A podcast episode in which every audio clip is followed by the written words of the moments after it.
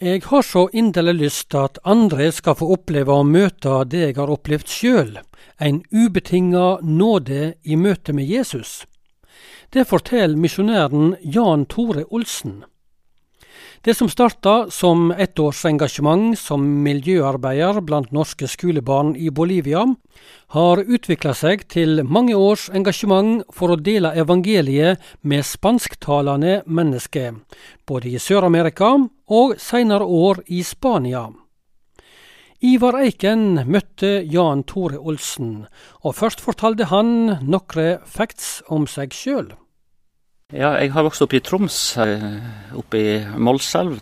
Det var forholdsvis små forhold. Jeg vokste opp i en kristen familie med en far som reiste i Samemisjonen i mange år som, eh, som, predikant. Jeg har vel egentlig hele livet fått lov å tro meg som en kristen, selv om så mange andre har opplevd også en brytningstid i ungdommen. Men kanskje i 17-årsalderen på en spesiell måte fikk se inn i evangeliet som gjorde at man, man, man makta ikke å leve uten, uten en frelser i sitt liv. Var det noe spesielt uh, ord i Bibelen eller noen spesielle hendelser som gjorde at du så det, eller? Jeg var veldig opptatt med idrett på den tida, spilte fotball. Og rett før sesongen så, så brakk man foten og ble sittende eh, i ro en hel sommer omtrent. Og for første gang kanskje på en måte begynte å lese i Bibelen litt i sammenheng. Og, og, det man leste, greip meg kanskje på en spesiell måte. At at man fikk se inn i noe på et vis som ikke handla om hvor flink man sjøl måtte være og sånn. Ja, den kristne vandringa på et vis gikk fra å være et kav og et strev etter å være god nok og flink nok og from nok til å, til å få lov å hvile i noe som, som Jesus hadde gjort for meg. Jan Tore Olsen har bakgrunn som misjonær i Bolivia i Sør-Amerika for Norsk Luthersk Misjonssamband. Den første kontakten med dette landet fikk han da han som ungdom hadde ett år som miljøarbeider for barn ved den norske skolen i byen Cochabamba i Bolivia. Etter dette året gikk turen tilbake til Norge og til arbeid i misjonen i Norge. Men Bolivia ble på nytt aktuelt. Denne gangen så kom det en utfordring om å bli misjonær i det søramerikanske landet. Som nygifte reiste Jan Tore og kona hans til Bolivia for å ta fatt på språkopplæring. Etter språkskolen så starta de med et arbeid innenfor menighetsbygging og evangelisering i hovedstaden Sucre. Etter ei stund i Sucre ble de omplassert til fjellbygda Acasio. Jan Tore sitter med sterke inntrykk fra denne tida i Bolivia. Det er jo på et vis å fått vært i et område kanskje der hvor evangeliet så nylig hadde nådd inn. Og oppleve liksom mennesker som møtte budskapet om Jesus for første gang i sitt liv. og hva det gjorde både med enkeltmennesker, med bygder, og, og, ikke minst en trangen på et vis til at dette måtte også andre få høre, at nabobygdene måtte få høre, og sånn. Det var ikke nok på et vis at en sjøl fikk høre og fikk eh, fred i møte med Gud, men men det var noe som måtte videre. Det har nok fulgt meg i mange år. Lokalbefolkningen òg gikk videre med det da? Ja, absolutt. Kanskje spesielt året vi var oppe i Akasio, så, eh, så var det en veldig på et vis trang og nye bygder som ble, ble nådd nesten måned for måned. Etter endt arbeidsperiode i Bolivia så ble det lærerjobb på en bibelskole i Norge for Jan Tore Olsen. Han ble lærer på Fjellheim bibelskole i Tromsø. I denne tida så starta de ei Sør-Amerika-linje, der studentene hadde to måneders opphold i Sør-Amerika. Det var primært i Bolivia, men også i land som Brasil og Argentina. Da var vi veldig opptatt av at eh, vi skulle ta bibelskoletanken med oss ut. Så det var veldig mye bolker med mye bibelundervisning. Samtidig så hadde vi lyst til å la de få oppleve noe av det eksotiske med Sør-Amerika. Både med spennende aktiviteter og flotte plasser og sånn. Samtidig som vi hadde lyst til å gi studentene et sterkt møte med misjon på, på nært hold, altså. Har du noen eh, tilbakemeldinger fra elevene om hva det betydde for deg? Ja, det er mange som har kommet hjem fra Bolivia og sagt at det var de to beste månedene i sitt liv. Men eh, det som kanskje har gjort sterkest inntrykk, det er å ha fått sett ungdom som har blitt grepet av misjon, og som har fått trang til å stille sine liv til rådighet for Gud og spørre hva han vil med deres vei og deres eh, virke her i verden. Det å se at misjonen griper tak på en sånn måte at uh, også helt unge mennesker blir, blir støtta og bærere i misjon, det har vært veldig, veldig, veldig flott å se. Etter å ha vært lærer på Fjellheim bibelskole i Norge i seks år, så gikk turen tilbake til ny misjonærtjeneste i Bolivia. Jan Tore Olsen håpte på at han kunne komme tilbake til fjellbygda Akasio, men slik gikk det ikke. Ja, det var jo det som var håpet og ønsket og lå i løypa òg, men eh, så fikk vi bare forholdsvis kort tid før vi skulle reise ut beskjed om at nå, nå var det noen i Santa Cruz, i millionbyen der ytterkanten av Amazonasjungelen, som hadde måttet, måttet avbrytes, og da ble vi plassert i Santa Cruz. Da tror jeg jeg satt og gråt ei lita uke på et vis at, at det ikke ble tilbake til Akasio. Men vi hadde utrolig fine år i, i, i Santa Cruz da når vi kom, kom, ut igjen. Ja, Det må jo ha vært et helt annet arbeid enn Akasio, for det er jo eh, en, et byarbeid. i andre var jo langt ute på landet og avsides. Drev du arbeid på en helt annen måte, eller, eller var det mye likt? Ja, sånn Ytre sett var det jo en enorm forskjell på landsbygda i Bolivia og moderne Santa Cruz bruker ofte å si at det er større forskjell på ja, Santa Cruz og Acasio enn det f.eks. er på, på, på, Oslo og Santa Cruz. Ja. ja. Men eh, arbeidet på et vis var mye av det samme. Det er klart Da var vi mer kanskje fast i ei menighet og arbeida sammen med en boliansk pastor.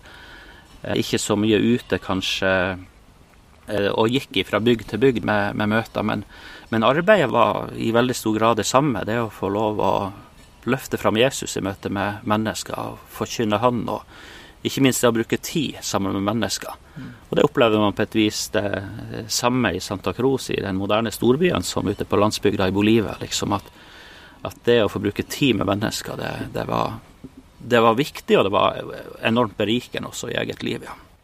Men da det hadde gått seks år, så ble det heimreist til Norge for Jan Tore Olsen og familien.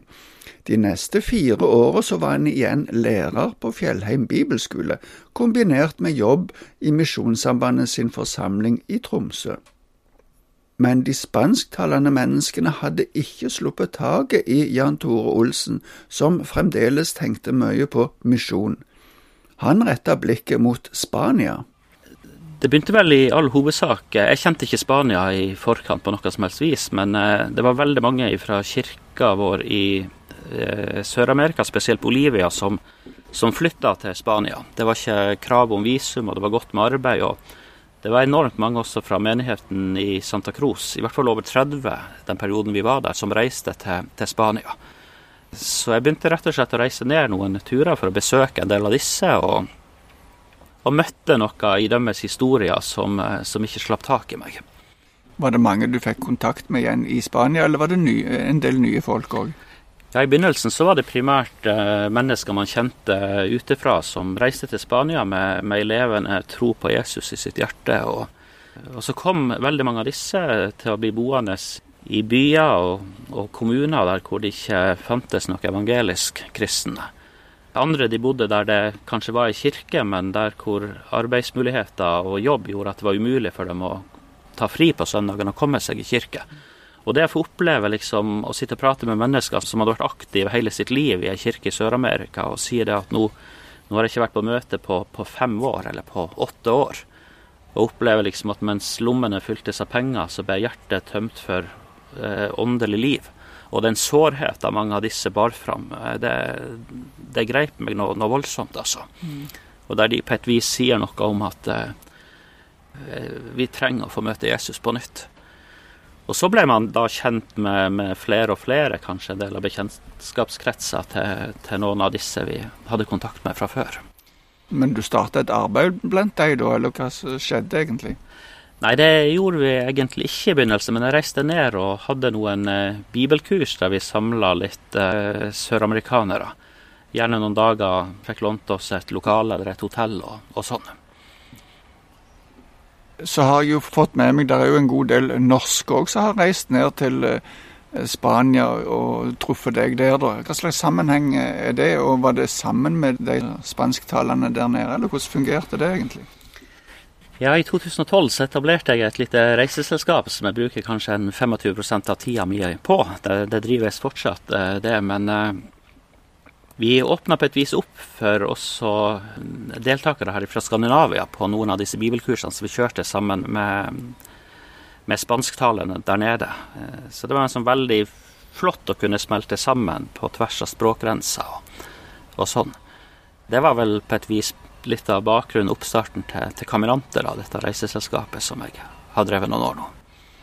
Og da regner vi med å fortsette med, med det, det, tilbudet til, til, Norge og eventuelt andre skandinaviske land? Det har blitt så massive tilbakemeldinger om at det betyr så mye. Liksom, det å kunne reise bort og koble fra liksom, alt av praktiske oppgaver og sånn. Og, og kunne ha en ferie der man også kan få, få, få lov å sitte og ta til seg av Guds ord. Eh, så eh, hvis det åpner seg nå i disse pandemitider, så regner vi nok med at dette kommer vi til å holde på med ei stund framover, ja. Men Jan Tore Olsen sitt engasjement i Spania stopper ikke der. I 2014 var han med å starte en misjonsorganisasjon som fikk navnet Misjon Sarepta.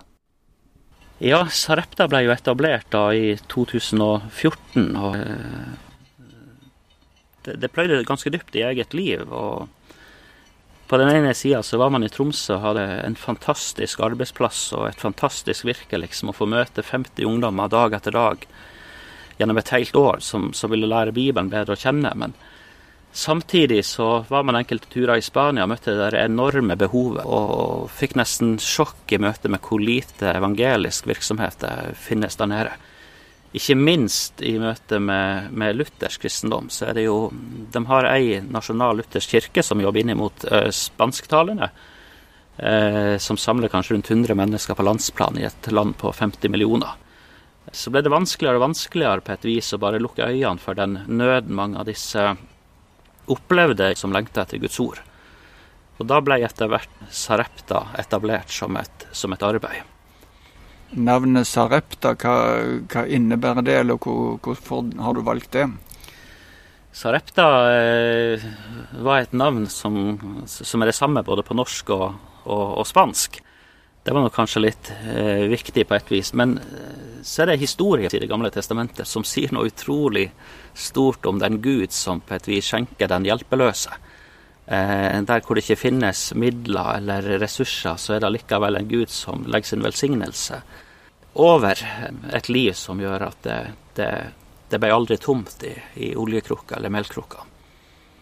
Den hendelsen med profeten Elias som, som fikk beskjed om å gå til Sarepta du henviser til, da? Ja, stemmer det.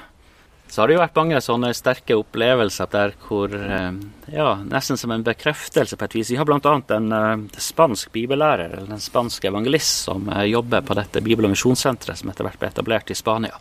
Han heter Felipe Lobo og kommer fra Madrid.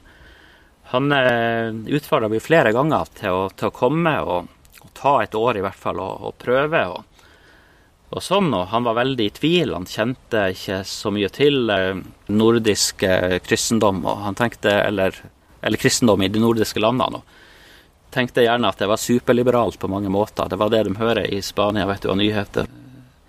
Ja, i hvert fall, han, var, han var i hvert fall veldig skeptisk, og, eh, men han sier det at til slutt så sa han ja. Og dagen før han skulle reise ned til Serepta og ta fatt på sitt arbeid, så var han i den lutherske kirka i Madrid det er ei lita kirke som samler en ti-tolv mennesker, kanskje. Men der sier han at leseteksten den søndagen den var henta fra ifra kongeboka, der hvor det står 'stå opp og dra til Sarepta'. Og Han sier at det ble en sånn enorm ro på et vis over, over hans ferd ned og inngangen i hans tjeneste, og har hatt en utrolig fin opplevelse av å få være både eh, i Sarepta, og vi er også veldig, veldig takknemlige for å, å ha en spansk eh, bibellærer som kjenner kultur og, og, kontekst der nede på en spesiell måte. Misjon Sarepta har i dag et senter i Spania med navnet Centro Sarepta. Dette tok de i bruk i 2017. Ja, det ble etter hvert kjøpt et, et senter som de siste årene hadde vært drevet som et norsk sykehjem. Eh, tidligere var det opprinnelig en appelsin- og mandelplantasje, men det var drevet sykehjem der, og så ble det lagt ned, og lokalene sto til salgs noen år. og Vi opplever på mange måter at det var en gave fra Gud. Prisen var halvert, kanskje ut ifra det de eh, hadde sett for seg å få for det. og det ble kjøpt og åpna i 2017 som et bibel- og misjonssenter. Eh, der ønska vi å kunne be inn mennesker fra Spania primært, til kortere og lengre bibelkurs. Samtidig så har det vært drevet med bibelundervisning eh, både på norsk og, spansk i to ulike klasser. og Mange nordmenn som har kommet ned og tatt ei ukes opphold på Centro Sarepta, eller, eller to, og opplevd det veldig fint. Og så har det vært noen ungdommer som har gått et helt år på bibelskolen. Det er jo fra september til juni. Og så har vi hatt noen faste spansktalende òg som har gått hele bibelskoleår. Ellers er det en del leirvirksomhet og enkelte menigheter i Spania som kommer og låner lokalene og, og sånn. Jeg hørte en fortelling om hvordan Guds ledelse virka inn til at, at dere klarte å kjøpe denne, dette lokalet. Ja. ja. det er mange sånne historier, men eh, vi hadde vært eh, ganske mye rundt i Spania. Både leita, sett på lokaler og ikke minst sett på tomter og, eh, og sånn. Og det var ikke noe som åpna seg sånn veldig konkret. Men så sitter det en, en eh, mann i Tromsø som sitter i styret for Sarepta, har gjort det fra starten av. Han driver et svært eh, turistsenter utenfor Tromsø og hadde bestilt noen båtdeler fra Østlandet. Og Så fikk han tilsendt dette i posten og åpna opp og pakka opp disse delene. og Da var det pakka inn i noe avispapir fra ei lokalavis eh, i, i Østfold. da. Og liksom det som ligger igjen over ei dobbeltside da, når delene er tatt bort, det er ei svær overskrift. Eh, pris på sykehjem i Spania halvert, eller noe, noe, noe sånn. Og Så hiver han seg på eh, tråden og tar kontakt med Hans Bergane, som da var daglig leder, og ringte til meg og, og sier at dette, dette, må dere sjekke opp. Og eh, Vi hadde vært innom og, eller vi visste om senteret på et vis, men det var så høyt priser at det var liksom ikke aktuelt kanskje for oss. Men så leder jo dette på et vis inn til en ny kontakt med disse østfolkkommunene som drev det senteret. Og så, ja, i hele prosessen var det mange, mange sånne ja, sterke historier. Men det, det åpna seg opp, og, og, og, vi fikk tak i senteret. Og er utrolig takknemlig for det. Under koronapandemien som førte med seg nedstengningen, tok også Misjon Sarepta sitt arbeid i Spania i bruk nettundervisningen. Og da var det både for studenter i Spania, men også i Sør-Amerika, som både Jan Tore og de andre kunne undervise. Når vi spør Jan Tore Olsen hva det betyr for han personlig å være engasjert i dette misjonsarbeidet, så svarer han slik. Nei, det er å få møte noe som er så stort i evangeliet sjøl. Man har fått møte en uh, ubetinga nåde sjøl i møte med, med, Jesus, og uh, har så inderlig lyst at oss andre mennesker skal få oppleve det samme, der hvor man kjemper og strever med ufred og kanskje anfektelser og anklager over at man ikke er god nok og flink nok. og også i Sør-Amerika så er det i mange sammenhenger et voldsomt trykk på, trykk på hvordan man skal være, og man, hva man skal gjøre, og alt man skal bidra med i Guds rike. Og har en trang på et vis til at, at, de må få lov å høre om Jesu gjerninger, om Jesu liv, og om å få lov å hvile i det som, det som han har gjort. Mm. Og så er det jo et privilegium på et vis å få lov å bruke arbeidstid inn, uh, i en sånn sammenheng. Og dagens gjest, eh, det var Jan Tore Olsen. Intervjuer, det var Ivar Eiken, som sjøl har jobba som misjonær i Sør-Amerika for Norsk-Luthersk Misjonssamband.